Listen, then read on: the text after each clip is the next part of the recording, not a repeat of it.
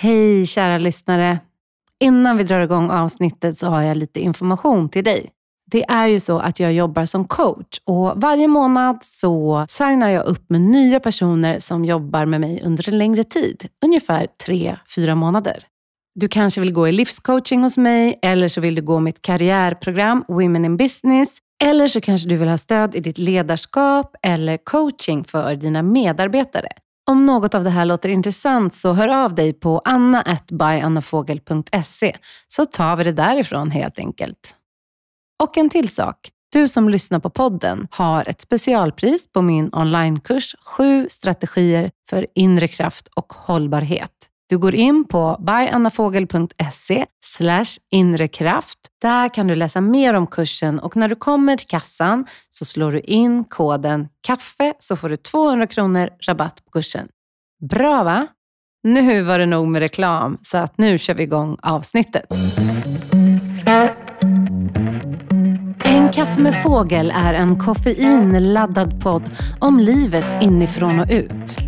Här möter jag spännande gäster och vi pratar om kreativitet, motivation, mental hälsa och entreprenörskap. Jag som har den här podden heter Anna Fågel och jag jobbar som coach, utbildare, sångerska och låtskrivare. Så ladda med din kaffekopp och välkommen in i samtalet.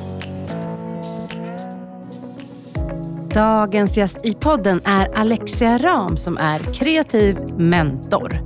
Vi träffades faktiskt via Instagram där vi såg att vi hade väldigt mycket gemensamt och började sen peppa varandra i vårt kreativa skapande. Så vi träffades en fredag i månaden och varje onsdag så har vi haft täta avstämningar med varandra.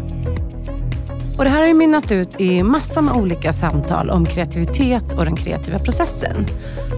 Vi har även hållit rum via Clubhouse tillsammans på temat och vi har förstått att de här samtalen som vi har tillsammans är någonting som många kreativa människor gärna vill ta del av. Så det här avsnittet kommer att handla om just kreativitet. Hur du kommer igång, hur du skapar plats för kreativitet i ditt liv. Vad är egentligen kreativitet? Och framför allt, hur kan du hantera den inre kritiken som kan poppa upp när du ska vara kreativ. Jättespännande samtal som jag ser fram emot att dela med er. Så välkomna att lyssna in samtalet med Alexia Ram.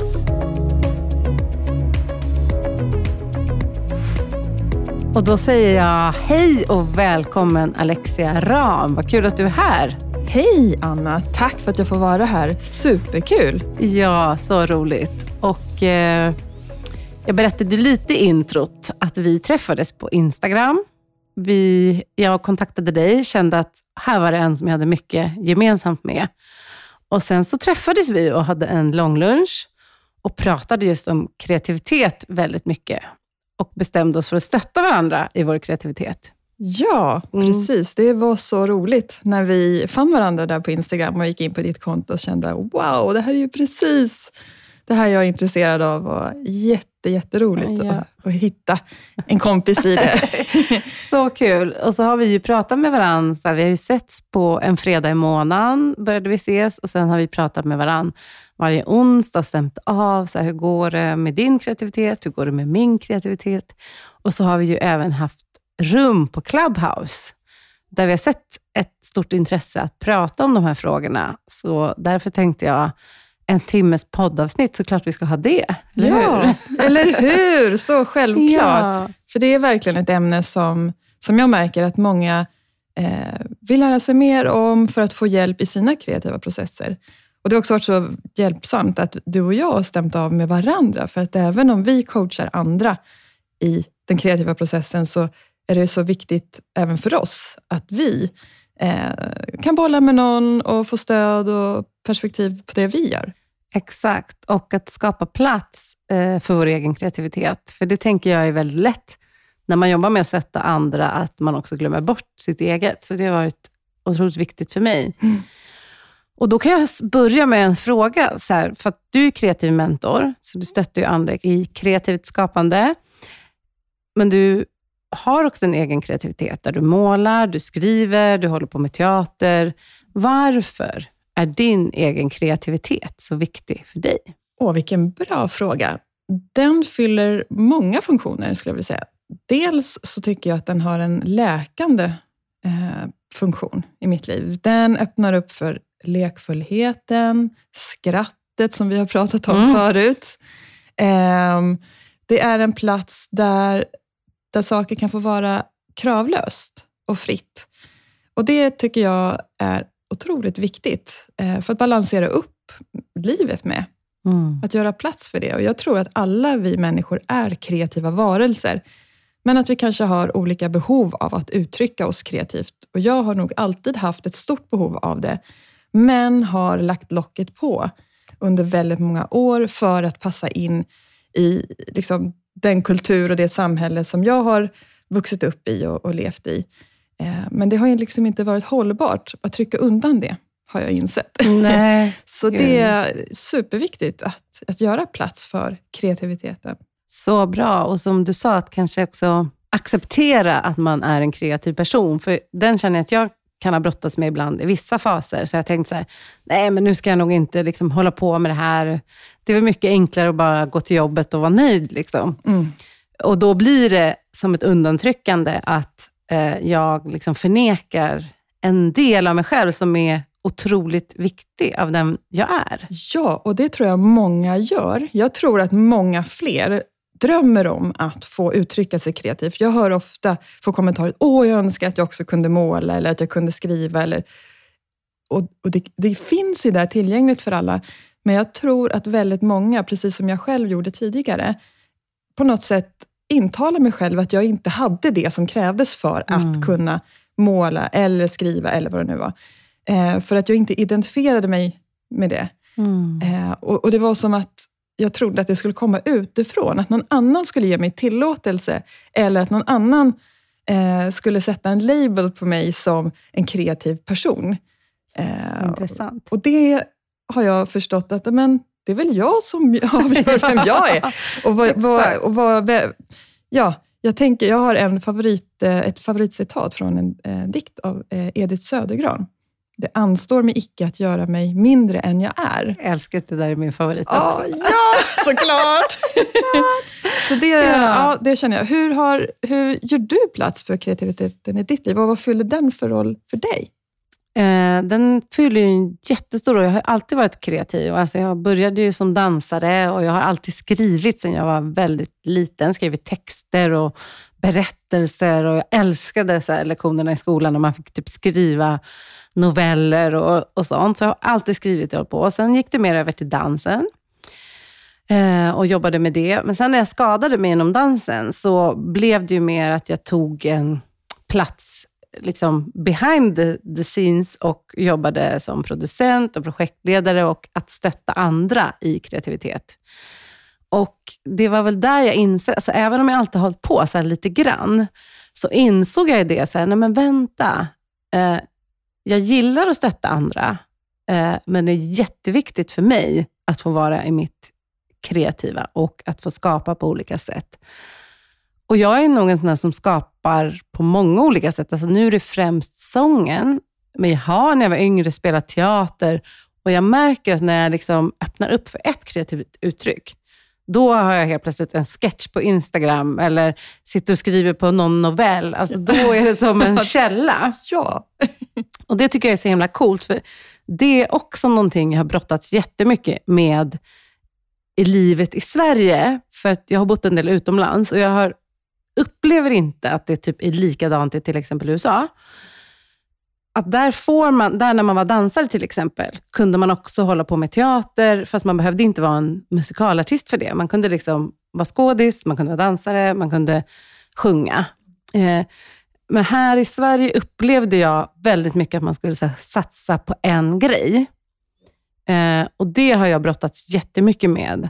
För så fort jag då har börjat skriva, då bara, men vänta, jag, jag, jag är sångerska, jag är ingen mm. författare. Då har jag vi det, labels. Ja, igen. labels. Och då har jag stängt av liksom och tänkt, nej nu Anna, nu får du inte både satsa på sång och dans. Du måste välja, eller du måste välja det här uttrycket. Mm.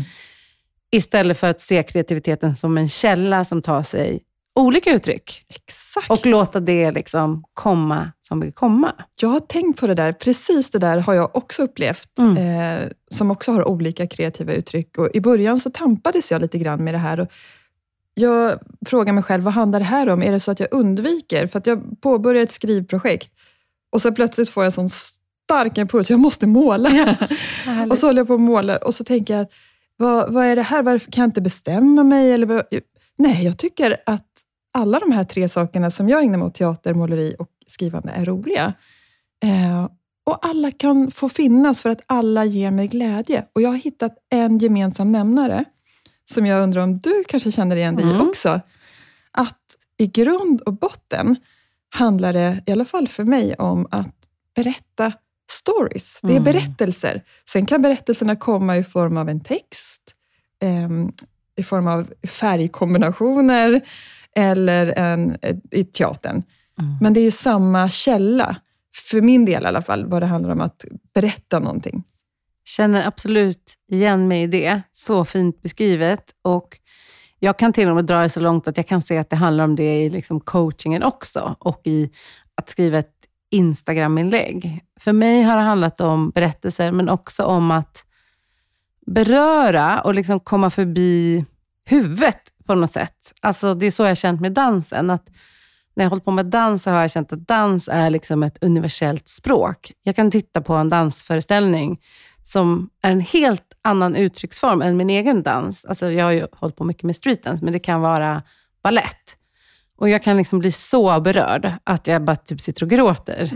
Så tänker jag, det där, att beröra, liksom också bortom ord eller med ord, beröra människor på ett känslomässigt plan, Ja, och det tror jag Tror det handlar om. Ja, för att vi lever väldigt mycket i våra huvuden, i, våra, eh, i vårt samhälle, i vår Rationellt. kultur. Rationellt. Ja, och det är det som också eh, rankas lite högre. Mm. Det är det som, eh, som behövs för, för de flesta, av, eller väldigt många yrken i alla fall. Eh, och det är viktigt också, jag säger ingenting annat Mm. om det, men, men då kan längtan efter det här andra bli så mycket starkare. Att komma ner i hjärtat eller i kroppen. För Mm. det tycker jag kreativitet handlar mycket om. Att lämna huvudet, att följa med spontaniteten, intuitionen, känslan. Att våga ge sig ut utan kontroll, utan vetskap om vart det ska barka. Eh, så det, ja, jag tror att den här balansen är superviktig, särskilt om man är eh, högkänsligt begåvad. Eh, att man är en känslig person. Mm. Då tror jag att det blir ännu viktigare att få umgås med känslorna, kanske i form av att se en, en dans som berör väldigt starkt eller höra musik som betyder mycket. Mm, exakt, alltså så viktigt. Men jag funderar på, för kreativitet det kan ju vara då väldigt intuitivt och det är kul. Men sen kan det också bli jobbigt. Att, Oh ja. eh, för, att, för att det kan låta som så här, åh så härligt, jag bara målar. Och så här, men, Oj. Mm. Eh, eller jag skriver låtar. Och nu är det här ju låtar som jag vill ge ut. Så då eh, behöver det ju komma liksom ett element av självkritik i det. För att jag vill ju ändå känna att det jag ska ge ut är bra. Så vad tänker du kring det, liksom hela den processen? Ja, Ah. bra fråga. Mm. Jag tänker så här. Jag tänker att det är en viktig del som kommer i slutet. Yes. Medans jag eh, till exempel skriver eller målar så har jag, jag övar fortfarande på det. Jag säger inte att det är lätt eller funkar varje gång. Det är verkligen en ständig process. Eh, att försöka lägga det åt sidan. Jag, jag själv tycker väldigt mycket om att improvisera, oavsett om det är teater, text eller måleri. Eh, och försöka lägga det där eh, när man går in i redigering lite senare. Mm. Och sen när man bestämmer sig för att ja, men nu är jag redo att gå in i redigering, för att nu har jag skapat så mycket material att jag är redo att börja liksom göra det till någonting som jag vill visa upp för omvärlden. Och Då försöker jag dels tänka att redigeringen är en del av den kreativa processen och hur kan jag göra det här med kärlek till mig själv, självmedkänsla. Hur skulle jag feedbacka min bästa vän i det här? Vilka ord skulle jag välja? Hur skulle jag låta? Hur skulle jag se på henne? Mm. Så det försöker jag använda mig av i den processen.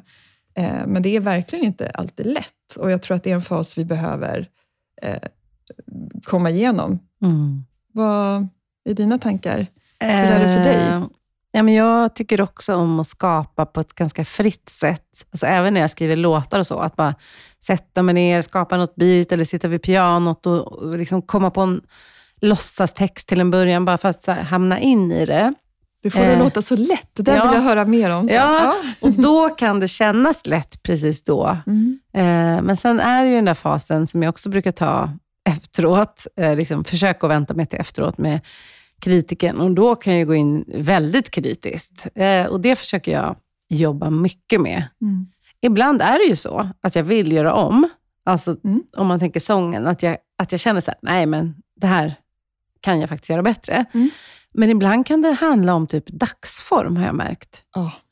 Och oh, det ja. tycker jag är nästan lite så läskigt, för det, då kan det vara nästan som att om jag har en väldigt kritisk dag, då kan inte jag avgöra om det är bra. Nej, du är inte kapabel. Nej, för då kan jag tycka att det inte alls är bra. Nej, då spelar det ingen roll Nej. vad du gör, kanske. Nej. Om jag är så att jag känner så här, här är verkligen inte bra, det här kan jag inte ge ut, då brukar jag liksom vara så här, Nej, vet du Anna, du får komma tillbaka imorgon och se vad du tycker då. För det kan vara så att det är dagsform. Det där är så viktigt. Våga släppa, våga pausa. Ja. Kom tillbaka med nya fräscha ögon. Ah. Det tror jag gäller oavsett vad man uttrycker sig i för kanal, kreativt uttryck.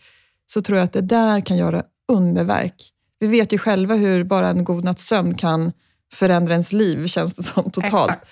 Så det tror jag också är nyttigt, att våga släppa ja. och ta ett kliv tillbaka. Ja. För jag tror inte på att forcera Nej. det kreativa. Och det ja, jag tror att det finns mycket att hämta där. Mm. Jag har en sak som jag är supernyfiken på. Jag också. Eller massa Säg saker. du först. Ja, du först. Jag har en grej också.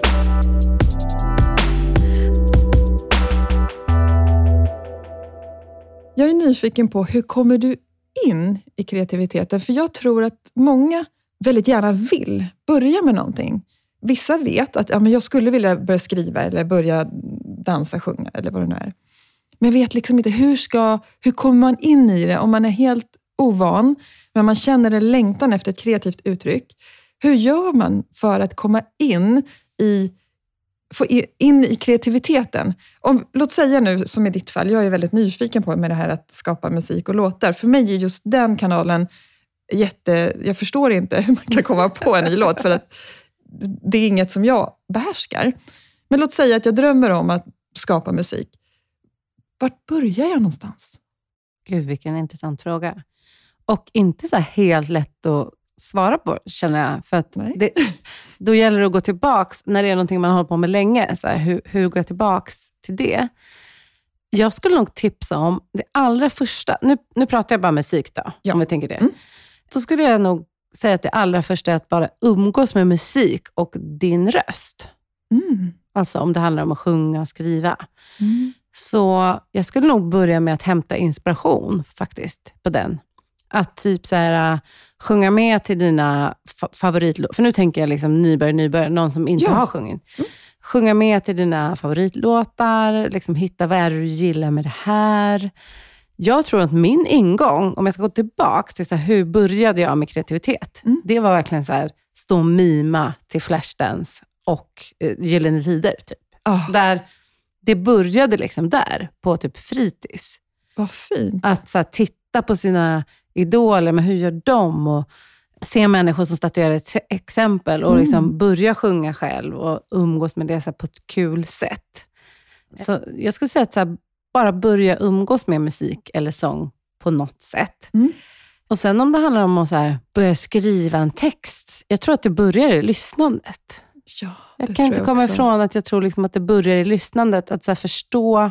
För när jag började skriva låtar, jag hade ingen utbildning. Det har jag liksom börjat skaffa mig senare. Att förstå musikteori och sånt där. Jag har aldrig förstått det mm. eh, innan. Eller jag har inte liksom pluggat det förrän mm. på senare år. Och Då är det för att jag har lyssnat på väldigt mycket musik. Så att jag hör hur det låter. Jag hör så här, ungefär så här är en liksom popmelodi. Eller, Just det. Ja, så jag tror att det börjar i att umgås med det uttrycket ja. man vill vara i och lyssna. Det tror jag är super, ett väldigt bra tips. Det är också så vi människor lär oss som barn, att ja. prata. Vi lyssnar, härmar ljuden vi hör och sen så blir det ett språk och så vidare. Exakt. För hur känner du? För du har ju, som jag förstår, har du inte målat så länge till exempel. Nej, det är något nyupptäckt. Ja, så då kan man ju tänka, hur, Eh, hur gör du där? Mm. När du är liksom nyare då? Ja, nej men, alltså, jag har målat eh, en period för 20 år sedan hemma, men helt på egen hand i akryl. Eh, och sen så har jag inte rört det eh, förrän nu. Och det kom efter en, ja, men den här grå, i december när vi hade noll soltimmar. Och jag såg inte blå bara, himmel jag på över behöver en månad. färg i ja, livet. Jag behöver blått. Jag längtade efter en blå himmel. Det var så, jag, jag var hungrig. Istället för att åka till Spanien. Ta Exakt. fram Ja. målargrejerna. När du inte kan resa för att se himlen, måla din egen. Ja, vad fint. Ja, men faktiskt. Det var Ja. det som triggade igång det, tror jag. Sen såg jag, eh, det var något som svepte förbi på Instagram, tror jag, någon målning som väckte något i mig med alla färgerna. Och jag kände att jag vill, jag vill leka med färger. Och sen så har, det, har, jag, gick jag in i det, att men nu ska jag bara sätta, fylla den här duken med färg. Och varit liksom utforskande i, på en upptäcktsresa nästan. Jag kände igen det där du sa om att studera andra, för det har jag gjort väldigt mycket. Jag har tittat på vad är det för typ av konst jag tycker om? Vad, vilka färger blir jag glad av att se i kombination? Och varför, varför tycker jag att om den här tavlan till exempel? Eh, jag har också sett väldigt mycket konst som jag nästan mår illa av för att det så, inte alls tilltalar mig. Och det är också intressant. Varför tycker jag inte om det här? Det finns mycket att lära sig av det och göra anteckningar, skissa och ta med sig det när jag, när jag ska måla sen. Att okej, ja, men jag tyckte om den här färgkombinationen, men nu provar jag det här. Att försöka se hur andra gör som jag gillar och hur kan jag göra min version av det här. Och, Ja, men superintressant. Och det är ju att ta det tillbaks till lekfullhet och lite så beginners mind, alltså nyfikenhet och en upptäckarlusta. ja, Att precis. det kanske är ett bra tips, jag tänker till lyssnarna, att, att man börjar med att liksom, vad gillar jag, vad gillar jag inte? Mm. Bli nyfiken på det här uttrycket som man vill skapa. Sen finns det ju massa kurser, och man kan ju ta sånglektioner, man kan ju gå och skriva kurser, man kan göra jättemycket saker Och det är också viktigt att som jag om man också tycker är viktigt. Ja. att det är, Och en sak som jag lägger märke till väldigt ofta eh, när jag pratar med andra om det här, är att många är så fast i, i tänket att du behöver ha en begåvning för att till exempel kunna måla. Mm. Åh, jag önskar att jag kunde måla. Ja, men det är ju, om man ska dra det riktigt långt tillbaka så är det ju ta en pensel, doppa i färg och dra den på papper så har du målat. Exakt, Alltså, ja. Egentligen är det så primitivt. Ja. Eh, och, och ändå så, ja, men, ja, men jag kanske skulle prova, tänk om jag har någon dold talang? Och då tänker jag att, men måste du ha en talang Ja. för att måla? Om du blir glad av att måla, eller vad det nu är, det här Ja. nu är, är bara ett exempel. Kan, man, kan vi inte få ägna oss åt det för att det är roligt och för att det gör, får oss att må bra? Åh, där sätter du fingret på något. För det, precis så där har jag ju känt med dans. För dans är ju någonting som många har otrolig prestation kring. Eh, och de kan längta efter att få njuta av den här känslan av att röra sig till musik. Men det är väldigt lätt att känna att man inte är bra och så kanske man går på en dansklass och det speglar. Så att det är så här, man ser ju direkt att det här ser inte bra ut och då tappar man lusten. Ja. Eh, men det är så synd just det att det så direkt går in i liksom att det ska vara bra prestation. För att det skulle ju kunna vara så att vissa av oss vill jobba med kreativitet. Ja, och då kanske man behöver öva väldigt mycket, liksom odla den här talangen. Men vissa kanske bara vill få njuta av kreativitet. Exakt. Och då är det ingen som behöver köpa det. det är ingen, du behöver inte ens visa det för någon om det inte är så. Men även där så kommer den här prestationen och sätter käppar i hjulet. det är Och det är ju sorgligt. Det är så sorgligt. Den, den står i vägen för så många och så mycket eh, så länge. Ja. Det är nä- nästan det största hindret, tror jag. Ja. Prestationsångesten. Eh. Ja. Och då kan man ju titta tillbaka på när vi var barn. Där man kanske hade det här att man kunde måla någonting eller eh, skapa eller göra någon ny rolig lek utan så mycket tanke på liksom hur det blev. Och Sen så förlorar vi det där ju äldre vi blir. Liksom. Det har vi så mycket att lära. Jag har en dotter som är nio år, Mm. som är helt fri i sitt skapande. Häftigt. Hon plockade fram mina färger och penslar, för det, det står lättillgängligt och jag har sagt att det är bara kör när du får feeling. Ja. Och så fick hon feeling igår kväll, drog fram en canvas hon hade börjat måla på förut och gjorde, la flera lager. Och hon var så fri. Hon hade hittat några roller som hon aldrig testat. Ja, men den här testade jag här och här. Ja, men den här färgen, har jag, åh, den var fin. Och så sätter hon igång och målar, fast hon har aldrig målat en canvas förut, i akryl. Och sen var hon nöjd. Titta vad jag har gjort! Ja. Hon har liksom ing... Och, äh, nu ska jag gå och skriva en bok. Så Ja. gick hon in i sitt rum och började skriva. Hon, hon kallar sig för, för, för författare, för att hon har Ja. skrivit så många berättelser i sin padda. Och det, hon är helt fri. Mm. Där har vi mycket att lära. Eller lära om kanske. ja, lära om, precis. För att jag tror att vi alla har det här mer eller mindre. Jag har en son som eh, kanske inte är riktigt lika, eh, tycker inte, inte att det är lika lätt kanske. Men det finns ju i oss alla människor från grunden mer eller mindre, det tror jag. Det tror jag också. Jag tror att kreativitet är, jag brukar tänka det som en del av livsenergin. Om man ser på olika flöden. Det vi pratade om innan, att har man tillgång till sitt skratt, har man tillgång till sin kreativitet, Mm. alltså liksom att ha tillgång till olika delar av sig själv. Bortom det analytiska, logiska, eh, liksom, Mm. strategiska tänkandet. Mm. Att det också finns någonting annat och andra dimensioner av oss människor. Ja, Och det kan man stänga av, men man kan också koppla på det. precis. Det finns ju där kvar Ja. inom oss. Mm. Och det, det går att jobba fram, det är jag Mm. helt säker på.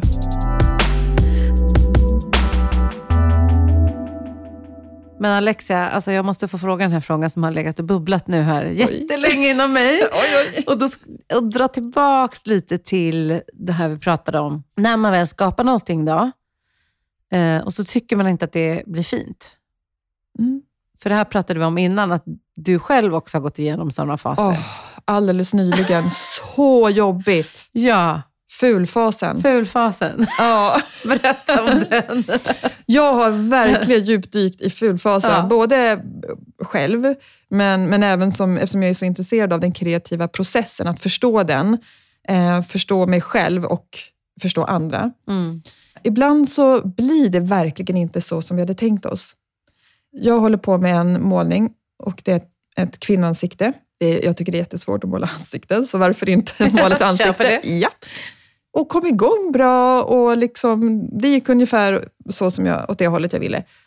Och sen så bara hamnade nej men det här blev ju inte helt fel. Frå- Utifrån vad jag hade sett framför mig. Mm. Och Den här fulfasen har jag verkligen eh, funderat mycket på och jag har förstått att det är någonting, i alla fall inom måleriet, som alla konstnärer går igenom. Att vi kan gå in med full lust, glädje, lekfullhet, tjoho och det är så fritt från krav och man kör på. Och sen så bara hamnar man liksom att allt man gör blir bara blä. Ja. Vad gör vi då? Ja, hur står vi ut Hur står när det blir ut? fult? Ja, för min impuls, och jag tror många andras, eh, men jag talar för mig själv Mm. nu. Min impuls är att lägga ner. Ja. Nej, det här var tydligen Det inte för jag mig. igen. Mm. Jag, jag, går, jag går och gör något annat. Mm. Eh, för det är mycket lättare. Ja. För om, om man inte vet hur du ska hantera det här för att eh, inte komma förbi det, utan komma igenom det. Exakt. Och kanske finns det ingen annan väg. Nej, det är ju det. Jag tror inte att det finns någon annan väg än igenom. Nej. och, och tänka att det här är någonting som alla går igenom. Jag tror att det även innefattar andra kreativa uttryck som skrivande eller vad det än är. Jag med. Där vi känner att vi håller på och håller på, men det är liksom, ah, nej, vi får inte till det. Och då finns det, tror jag, olika sätt att hantera det. Känner du igen fulfasen? Ja, gud, ja. Alltså verkligen, inom allt jag har gjort. Och eh, jag känner att den är... Jag skulle så gärna vilja bara hoppa över den. Men Ja. typ, det går inte. Ja, men det, och det är ju Alltså, väldigt mänskligt. Min impuls är ju att jag bara så här, men kan det inte bara bli bra på en gång? Och jag tror att det är också ett resultat av att när vi får någonting presenterat för oss, så är det ju färdigt. Alltså, ja. när vi hör en låt på Spotify, eller vi går och kollar på en utställning, eller vi läser en bok.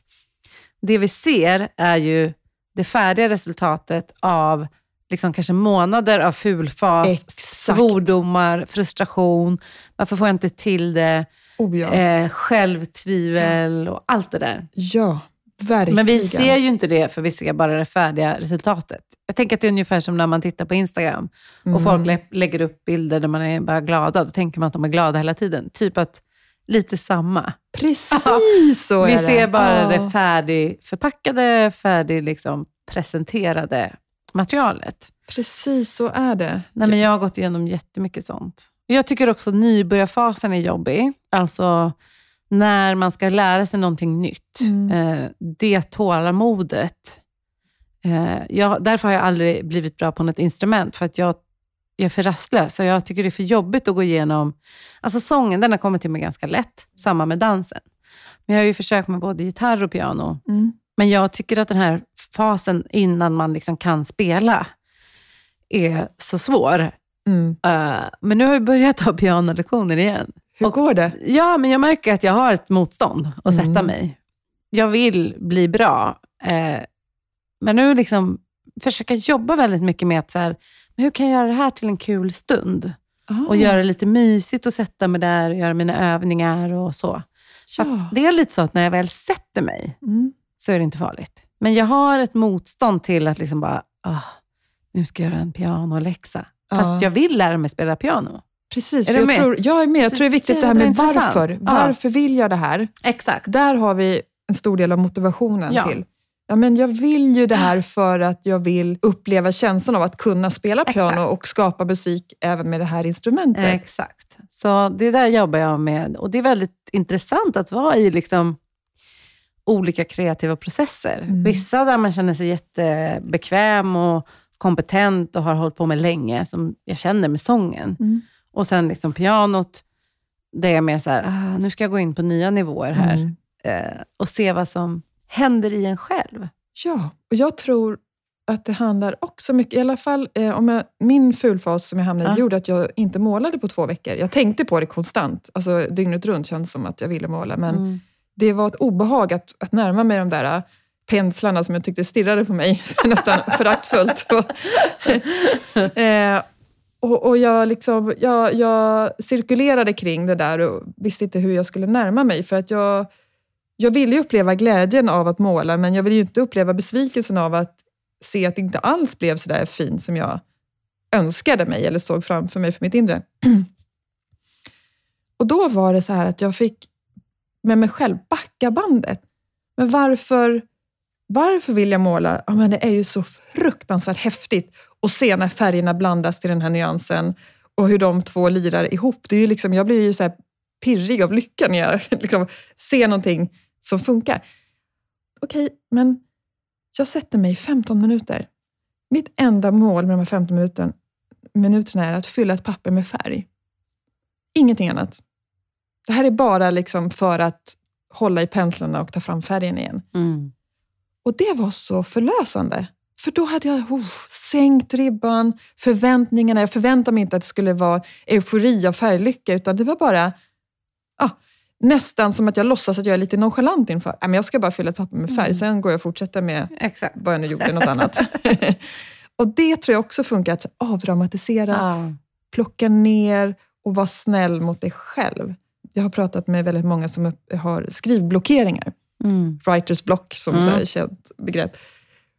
Och det här med blockeringar, jag tror inte att det är en blockering i själva skrivandet som sådant, att man har tappat förmågan att skriva vidare. Jag tror att det handlar om att man är rädd för att inte komma tillbaka till det här tillståndet när det man skriver, att, att man blir nöjd med det. Mm. Att det är fulfasen som ställer sig Mm. i vägen. Och då blir man blockerad och får inte ur sig någonting. Det tror jag också. Verkligen. Och många kanske befinner sig där innan de ens har testat på det här kreativa som en kanske innerst inne i hjärtat längtar efter, men inte har vågat testa. Det kan vara trädgårdsdesign eller vad som helst. Ja. Men att man håller sig tillbaka för att ja, men, man kanske har fått höra som liten till exempel att det där är du ska nog satsa på något annat istället. Eller, och Det Ja. kan vara sanningar, nu sätter jag inom Ja. situationstecken Ja. med fingrarna här, Exakt. som man har fått för sig själv från andra. Som man har gjort till sin egen utan att ifrågasätta att det har blivit som ett faktum. Det där är ju jättevanligt, och med sång till exempel, att du kan inte sjunga heller, eller det där är inget riktigt jobb och Ja. sådana saker. Exakt, känner jag. Ja, men det finns mycket sånt. Mm. Längtan sa Mm. du, och då tänker jag just på att för vissa så kan det ju kännas liksom så här själviskt att hålla på med sin kreativitet. Förstår du hur jag Ja. menar nu? Ja. Att det är så här, men okej, jag har man, jag har barn, jag har familj, jag har liksom ett jobb. Mm. Eh, ska jag bara eh, gå iväg nu här och liksom sätta mig och måla när tvätten ligger på hög och tonar upp sig. Mm. Ja. eh, eh, vad tänker du om det? Jag tänker dels om jag får lov att kategorisera en stund. Jag tycker det är väldigt kul Ja. att kategorisera. Ja, det. Ja, det går bra. Ja. Eh, ni som lyssnar får Ja. bear with me. Ja. Ja, men generellt, om man zoomar ut lite och ser ur ett genusperspektiv, så Mm. är det nog, tro, tror jag, att män generellt, inte alla män, Inte alla män. inte alla män, Nej. men män generellt, Vissa män. vissa män har lättare för att ta den här platsen Yes. eh, i sitt liv. Mm. Man går ut i garaget och, och gör, eller Mm. både- nu Mm. är det en metafor. Det Ja. Och det är sällan vi, liksom, det pratas om det. Det är så Mm. självklart. Men när en mamma eller kvinna ska göra detsamma, så, och det tror jag också ligger mycket i oss själva som kvinnor. Och det där är någonting som jag tror att man får jobba med själv. Vi, det är vi som behöver förändra vår syn på vår tid. Och för mig har det också förändrats totalt efter eh, en utmattning Mm. att för mig handlar det om mental hälsa.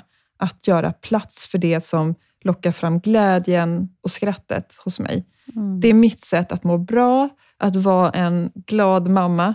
Inte alltid, men oftare än om jag inte ger mig den här tiden. Så att för mig har mina kreativa stunder blivit en men, hygienfaktor, precis som sömn, kost, träning, alla andra delar för att få må bra.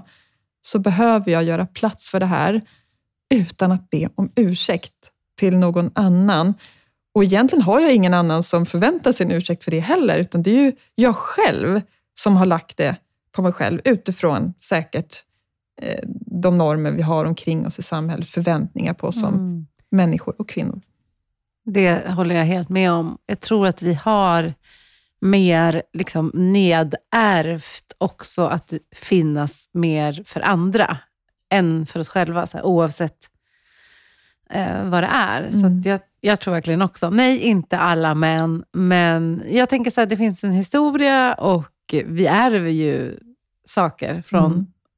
alla kvinnor innan oss. Det är Alla inte så länge sedan bak. Ja. kvinnor var hemmafruar och liksom så. så att, Det ligger eh, nedärvt i Ja. våra celler. Det tror jag faktiskt Ja. på ett eller annat sätt. Ja.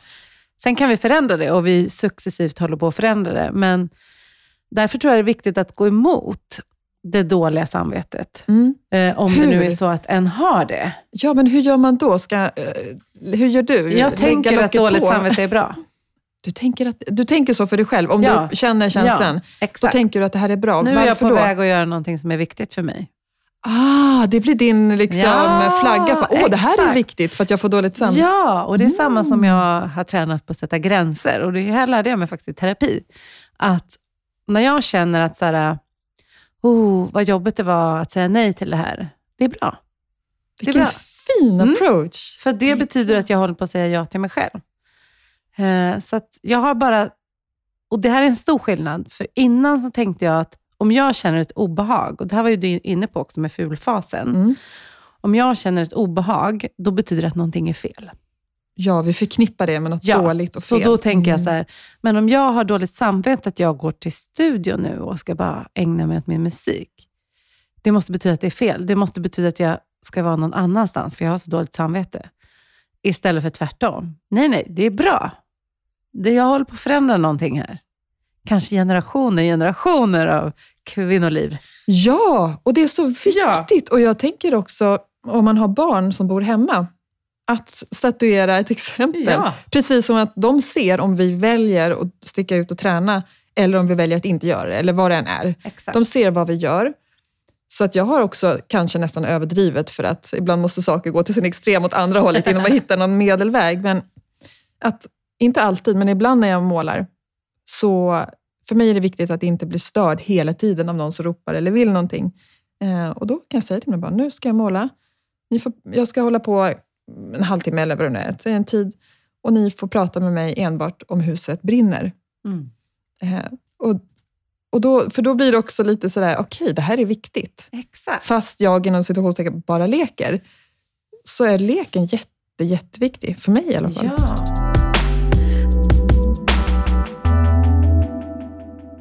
Här, när vi har pratat på Clubhouse Mm. så har vi ju pratat om det här också att tillåta sig. Vi är ju inne Mm. lite på det nu, men liksom att tillåta sig att ge plats för kreativiteten. Eh, du var inne på liksom att ta det på allvar, Mm. eh, vilket jag också tycker är så viktigt. Och Sen har vi ju pratat om så här, andra sätt så här, som kan underlätta för en att komma igång. Mm. Så vilka är dina bästa... Låt säga att jag nu då, jag, jag har kommit på att jag vill skriva. Jag kanske redan är inne i ett skrivprojekt. Det kan vara så att skrivande har varit en del av mitt liv hela livet. Mm. Men jag verkar aldrig prioritera det. Mm. Jag vet vad jag ska göra, men jag kommer inte till skott. Mm. Bra fråga. Ja, vad gör jag? Det där har varit mitt liv i jätte, jättemånga år. Ehm, och jag tror att man behöver ge sig tid och fundera på varför tar jag mig inte den här tiden? Ehm, för i mitt fall, jag tror att vi ofta skyller på yttre omständigheter. Exakt. Det gjorde jag i alla fall. Men jag, ehm, jag, har, jag hinner inte. Jag jobbar heltid, jag har familj, pendlar och livet liksom som det är. Hade ett ganska högt tempo innan utmattningen. Och såg inte liksom, hur ska jag kunna pressa in det här. Jag försökte skohorna in. Jag gick på teater eh, en kväll i veckan. Kom hem jättesent den kvällen och sov väldigt lite na- den natten för att jag hann inte eh, komma ner i varv och ha kväll så som jag brukar och behöver för att kunna sova bra. Eh, och det var inte hållbart att skohorna in det. Utan vi skapar, när vi är i vårt kreativa tillstånd så behöver vi vara hyfsat utvilade och i balans i livet i övrigt för att få tillgång till det här. Så för mig, jag använder oftast sådana saker. Men när jag verkligen gick till botten med vad, vad handlar det om, så är det ju precis det du nämnde också, att prioritera det tillräckligt högt. Okej, men vad kan jag plocka bort i mitt liv för att få plats med, låt säga en timme i veckan, Mm. eller en halvtimme. Det beror ju på hur ens liv ser ut. Och kanske att det i vissa perioder i våra liv, det kanske är så att man får acceptera att ja, men just nu kanske jag inte har plats för mitt skrivande i mitt liv. Om man har fullt med småbarn hemma och liksom lever ett liv när det är som mest intensivt, då kanske man får, ja, men, jag, jag tar tag i det här när, när saker har blivit lite mer i ordning i, i livet i övrigt. Annars så tror jag jättemycket på att hur högt prioritera det här. Kan jag ta ledigt en halv dag i månaden från mitt jobb för att ägna mig åt det här? Att, att planera in det Mm. och värdera det högt. Det, det tror jag är en väg in. Men först och främst sätta sig, vad är det som gör? Varför kommer jag inte till skott? Jag kanske, för jag vet också många gånger när jag har haft tillfällen jag har kunnat skriva, så har jag ändå inte gjort det. Nej. Då har jag gått och gjort något annat. Ja. Då planterar jag om blommorna eller gör något annat. Sorterar liksom, tvättskåp. Liksom bara, Ja. sådana saker som jag aldrig skulle ta mig för annars. Så här, rensa köksskåpen och såna Ja. grejer som, varför gjorde jag det här istället för att skriva? Jag hade kanske en dag själv hemma när, när resten av cirkusen hade hittat på något annat. Eller någonting. Ja. Men, och, och i de fallen så var det för mig ett, ett undvikande. Mm. Vad- Och vad bestod det i? Vet du det? Ja, att den här lilla tiden jag har, och även om det var en dag, så kändes det som att det inte skulle räcka. Eh, För att, dels Ah. att det inte skulle räcka, men också för att tänk om det blir dåligt. Då har jag slösat den här dyrbara dagen till något som bara blev blaj. Mm. Och jag kände inte att jag har inte råd med det, jag har inte tid. Men wow att du såg det ändå. Att du kunde Ja. få syn på, för jag tänker det kräver en medvetenhet också att se vad det är. För jag brukar också säga det, liksom, att undersöka motståndet. Det finns mycket svar där. Ja. Men det är, det är verkligen det är lättare sagt än gjort och man får ge sig mycket tid. Mm. För mig krävdes det mycket tålamod och en utmattning Ja, för att faktiskt ta tag i det Ja. på riktigt. Ja.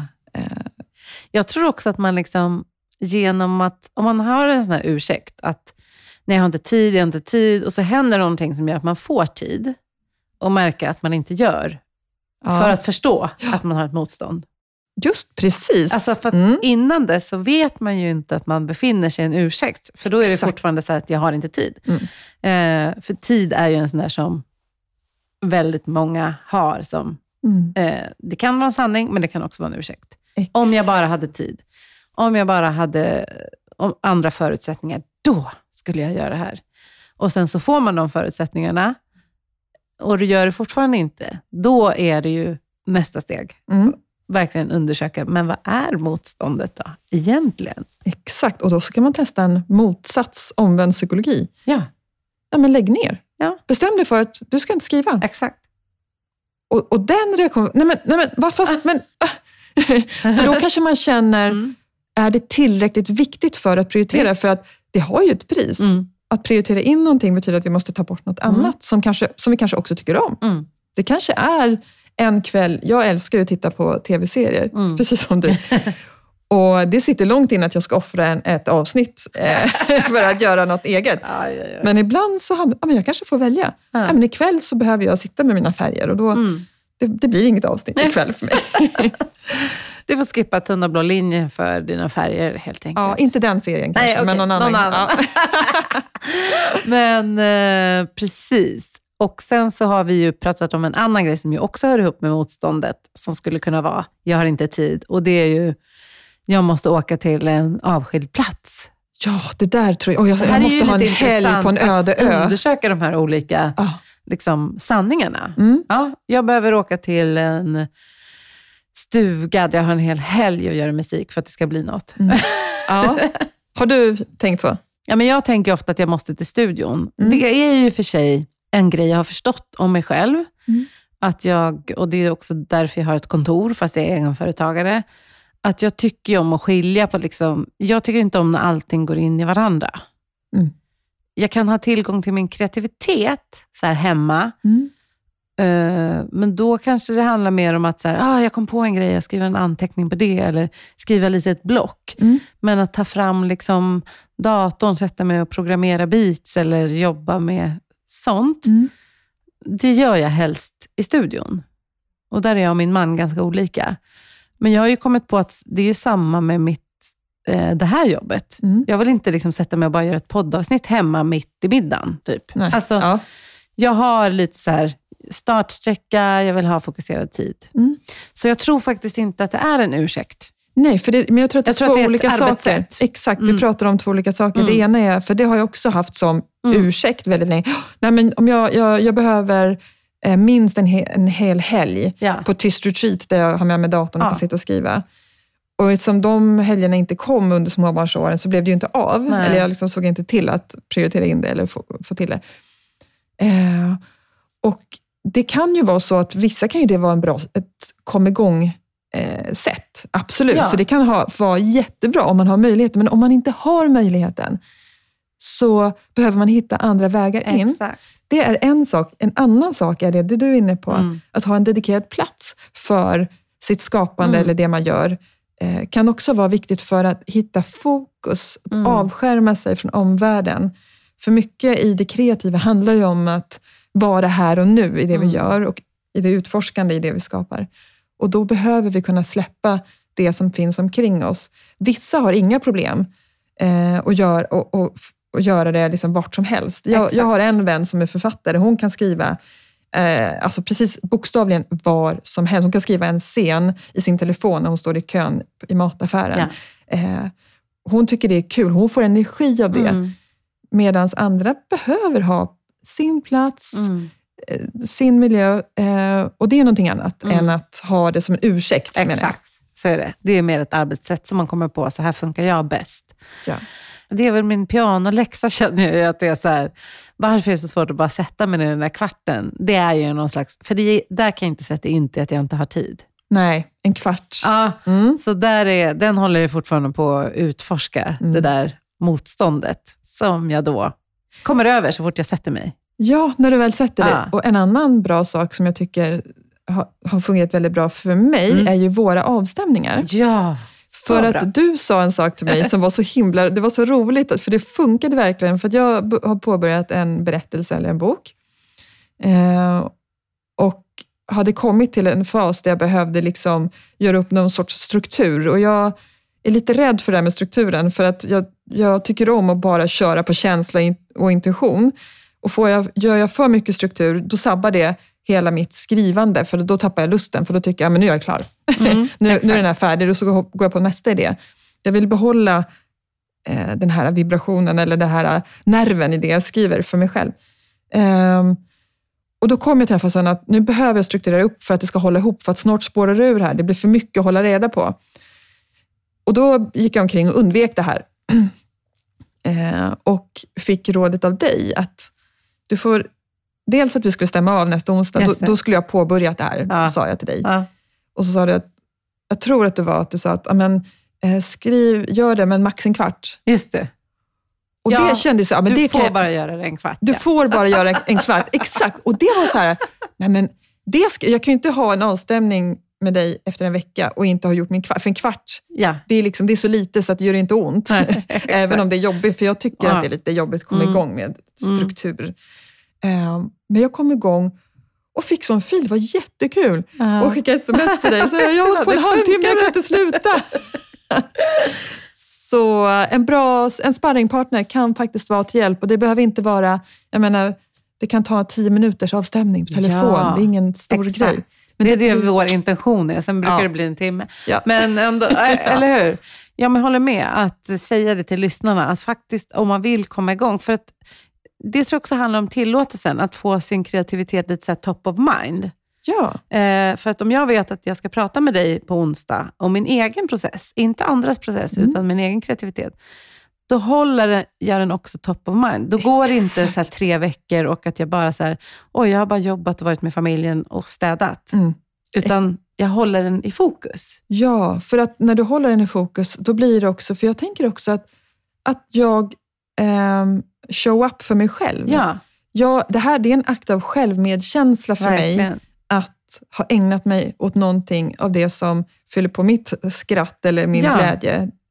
Eh, och då blir det som en bra, precis som du säger, top of mind. För jag vet att ja, men på onsdag så, så ska vi höras. Ja. Eh, och då, ja, men då, då säger jag till, ja, men då gör jag det här på lördagen eller på söndagen eller när det nu blir. För att det ska bli av. Det är så viktigt. Mm. En annan sak mm. som jag tänkt på ja.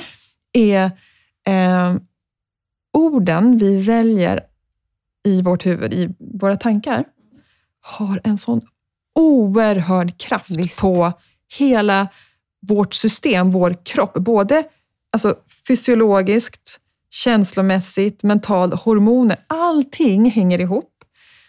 Och de tankarna vi väljer kan ha en så totalt avgörande roll för hur din dag blir, för hur ditt kreativa projekt blir. Så det vill jag också bara nämna, just ja. vikten av hur tänker jag kring mitt kreativa arbete? Vad väl, är, det, är det en kritisk röst som mm. ifrågasätter, vem är, vem är du? Tror du att du är författare eller konstnär? Det, du har ju inte gett ut en bok, eller du, du har inte gått den här skrivarskolan, eller vad mm. det nu mm. kan vara.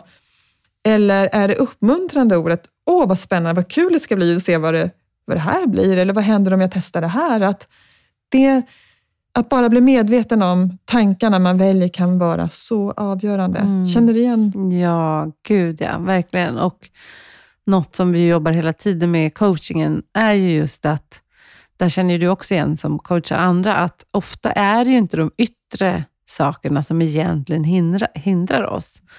Utan mycket av det som hindrar oss ligger i vår inre dialog, våra rädslor, våra tankar om oss själva. Som antingen skapar liksom, motivation och pepp, mm. eller skapar en massa murar och motstånd. Eh, så att absolut, det är det absolut viktigaste faktiskt. Mm. Och precis som du säger, om, om jag har en tanke om mig själv att det är så många andra som har gjort poplåtar. Mm. Varför ska världen behöva en till? Då kommer jag inte vara så motiverad att sätta mig och skriva Nej, den peppen är inte helt så här, yes. Nej, exakt. Och det, ja, och det kom jag på, det vill jag skicka med. Att mm. bara för någon annan har gjort någonting förut, ett uttryck, mm. eh, så har ju ingen gjort det på det sättet som du gör. För det är det jag tycker är sorgligt med att människor inte mm. vill dela med sig av sin kreativitet. Mm. Är att jag känner att det är liksom så här, jag känner väldigt ofta att det är så här, det är en förlust för världen. Ja. Att, och att jag inte får ta del av Alexias berättelse eller dens målning. Ja. Att, nu kommer inte vi hinna det i det här avsnittet. Vi får ta till. Men liksom, det finns ju också någonting som jag och Jörgen, min man, vi brukar kalla det för releasepanik. Mm. Eh, och det är att när man har gjort någonting och sen ska man släppa ifrån sig det till andra, Mm. då kan det komma en jättestor rädsla. Att man känner, nej det här är dåligt, jag måste gå och ändra det här. Och det, det, liksom, och det här kan man se även i det jobb som han har som copywriter. Om man ska Mm. liksom släppa en ny, ny digital produkt. Eller, eh, så här, det kan gälla allt Mm. som ska liksom ut i världen Ja. eh, inför eh, människors dömande blickar eller uppmuntrande blickar. Mm. Då kan man ju få för sig att nej, jag ska inte dela det här. Eh, och Vi kallar det för releasepanik. Bra Och att eh, man ska komma liksom igenom det här och våga dela ändå. Men, men precis när man står där på den här randen, att Mm. jag har skapat något som jag ska dela. Och det vill jag säga då att eh, då kan det ju hända att man inte delar med sig och då förlorar ju världen möjligheten att ta del av allas unika berättelser. Ja, för alla är vi ju unika. Det finns Ja. ingen annan fågel med exakt ditt DNA, din uppsättning, dina erfarenheter, det du har varit med om ända sedan din första dag på jorden. Mm. Det finns ingen med Nej. exakt din komposition. Så även om du skriver en kärlekslåt, just kärlekslåtar finns det ju Väldigt många. väldigt många. Inom en viss genre Ja, så finns det exakt. väldigt många inom den Ja. genren också, Ja. vilken du än väljer. Men det finns ju ingen som har exakt din unika uppsättning som har gjort det. Så alla, allas kreativa uttryck är värdefulla, lika värdefulla och behövs Exakt. lika mycket. Så att det är verkligen, verkligen ett bra medskick som du tog upp här tycker jag. Ja. För det, är, det är bra att påminna sig själv om det ibland också. Ja, exakt. Att, för det är lätt att hamna i de där tankarna, att det är så mycket som liksom redan är gjort. Ja, det är Det finns jättevanligt. jättemånga poddar, men ingen där Anna Fågel och Alexia Ram sitter och snackar om kreativitet just nu. Alltså. Exakt, exakt. Det här är en världsnyhet, så ni som lyssnar en är med om något unik- fantastiskt. En unik, unik händelse.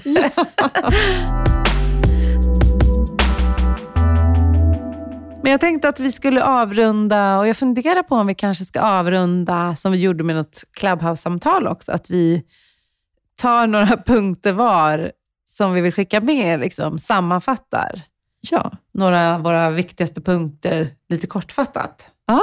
Så Bra allt, idé. allt vi har pratat om. Mm. Vad har du för någonting som du vill skicka med till lyssnarna? Ehm, jag tar tre saker. Då. Ja.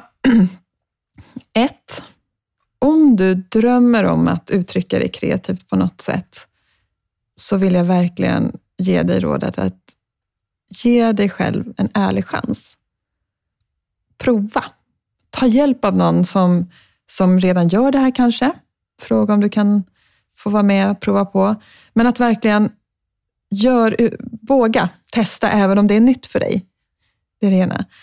Andra jag vill skicka med är att om du är inne i en ful fas eller har kommit av det, du kanske vill plocka upp något som du har gjort för många år sedan, något kreativt uttryck, så skulle jag vilja att eh, påminna dig om att det är en del av den kreativa processen och fråga dig själv varför skapar du?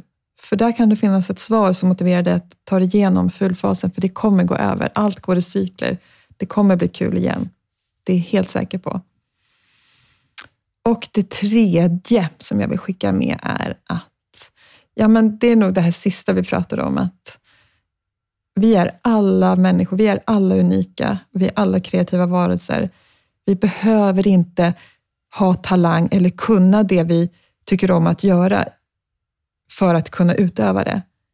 Du får. Du kan ge dig själv tillåtelse och om du inte kan ge dig tillåtelse så får du den av mig här och nu. Varsågod, du har härmed tillåtelse att göra det du vill göra. Jag ger också den. Ja! Från oss. Från oss till er. Ja, Varsågoda. Så bra, varsågoda. Ja. Bra. Hör gärna av er Alltså, sen och, och berätta vad ni gått. har gjort. Ja, alltså så bra tips. Eh, tack snälla, vilka bra medskick. Tack. Plus en på dem då. Eh, ska också tänka ut tre. Då tänker jag, nummer ett, vänta inte på motivationen. Utan eh, sätt igång på något sätt eh, att umgås med din kreativitet.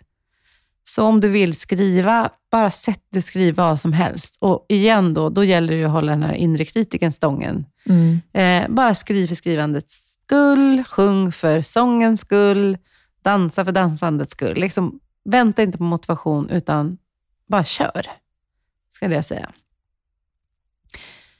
Och nummer två har vi inte pratat om så mycket, men det skulle jag verkligen vilja skicka med. Skapa rätt förutsättningar för att kunna vara kreativ. Så att du inte har tusen hinder när du väl ska köra igång. Så om du har skapat utrymme på tisdag förmiddag för att nu ska jag sitta här och skriva. Så här, lägg fram dina, din dator eller dina block eller vad du nu behöver kvällen innan. Bestäm vilken plats du ska sitta på. Eh, det här är någonting som vi har jobbat med jättemycket, för vi håller på med musik och det är mycket tekniska saker. Att liksom, vi har en station redo i studion och vi har en ministation hemma. För att annars kan det bli att om du har två timmar att skapa och så går en och en halv timme åt att koppla in allt och det blir något strul, så tar det lusten från själva skapandet. Så att eh, liksom, en nudge, det du behöver, den här lilla knuffen för att bara kunna gå upp och skapa. Bra råd. Och tredje, skapa space för den kreativa processen. Mm. Eh, en del av den kreativa processen tänker jag pågår när vi inte skapar. Utan Ja. kanske när vi är ute och promenerar. Man kanske har en liten anteckningsbok med sig för att samla på sina idéer. Jag har ju precis som du Alexia varit utmattad och haft alldeles för mycket i mitt schema liksom, Mm. i perioder av mitt liv där det inte finns plats för min kreativitet. Och Då märker jag att när jag skapar space och lite rymd och så, då kan kreativiteten också komma till mig. Precis. Ja, så det behöver inte vara Så något jag bra. forcerar. Så att, om du har möjlighet, skapa space i din kalender. Lite vad du sa, vad, vad ska Mm. du plocka bort Mm. för att ge plats? Precis. Så bra råd. Ja, Verkligen. Ja, min kommande onlinekurs Mm. eh, handlar precis om det, att eh, ska göra plats ja för kreativiteten i sitt liv. Ja. Men då så, då får jag tacka dig så himla mycket Alexia, att du kom till podden. Tack för att jag fick komma. Superkul. Jättekul och vi ska prata vidare på Clubhouse och det kommer ju redan ha varit, men det kanske kommer Mm. fler gånger när ni lyssnar här. Ja. Tack till alla er lyssnare. Ni får hemskt gärna hänga med på Instagram, En kaffe med fågel, för det är där vi lägger upp allting och sådär. Och då får ni gärna skriva under där vi postar avsnittet. Vad brottas ni med? Vad fick ni med er? Sådana saker. ja, jättegärna. Och om ni har tips och tankar som inte vi har tagit upp här idag, så är jag supernyfiken. Ja, Vad funkar för er? Hur gör ni? Ja. Berätta. För vi kanske tar en del två, där vi samlar ihop liksom era tankar. Bra. Och Alexia, var hittar man dig då i sociala medier? För nu tror jag att alla vill gå in och följa dig. Mig hittar ni på alexia.ram, R-A-H-M, .creativementor. Creative.mentor Ja. eh, på Instagram och Facebook eller alexiaram.com så har ni länkarna där till mina sociala kanaler. Toppen, så gå in och följ Alexia alla nu och följ podden och kommentera vad ni tänkte om det här avsnittet. Ha det så bra. Hej då! Hej då!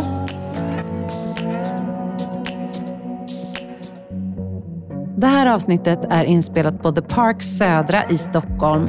Tack till dig som har lyssnat på podden och jag vill också passa på att tacka ljudtekniker Georg Hagstrand från GH Audio som alltså är ljudtekniker på det här avsnittet.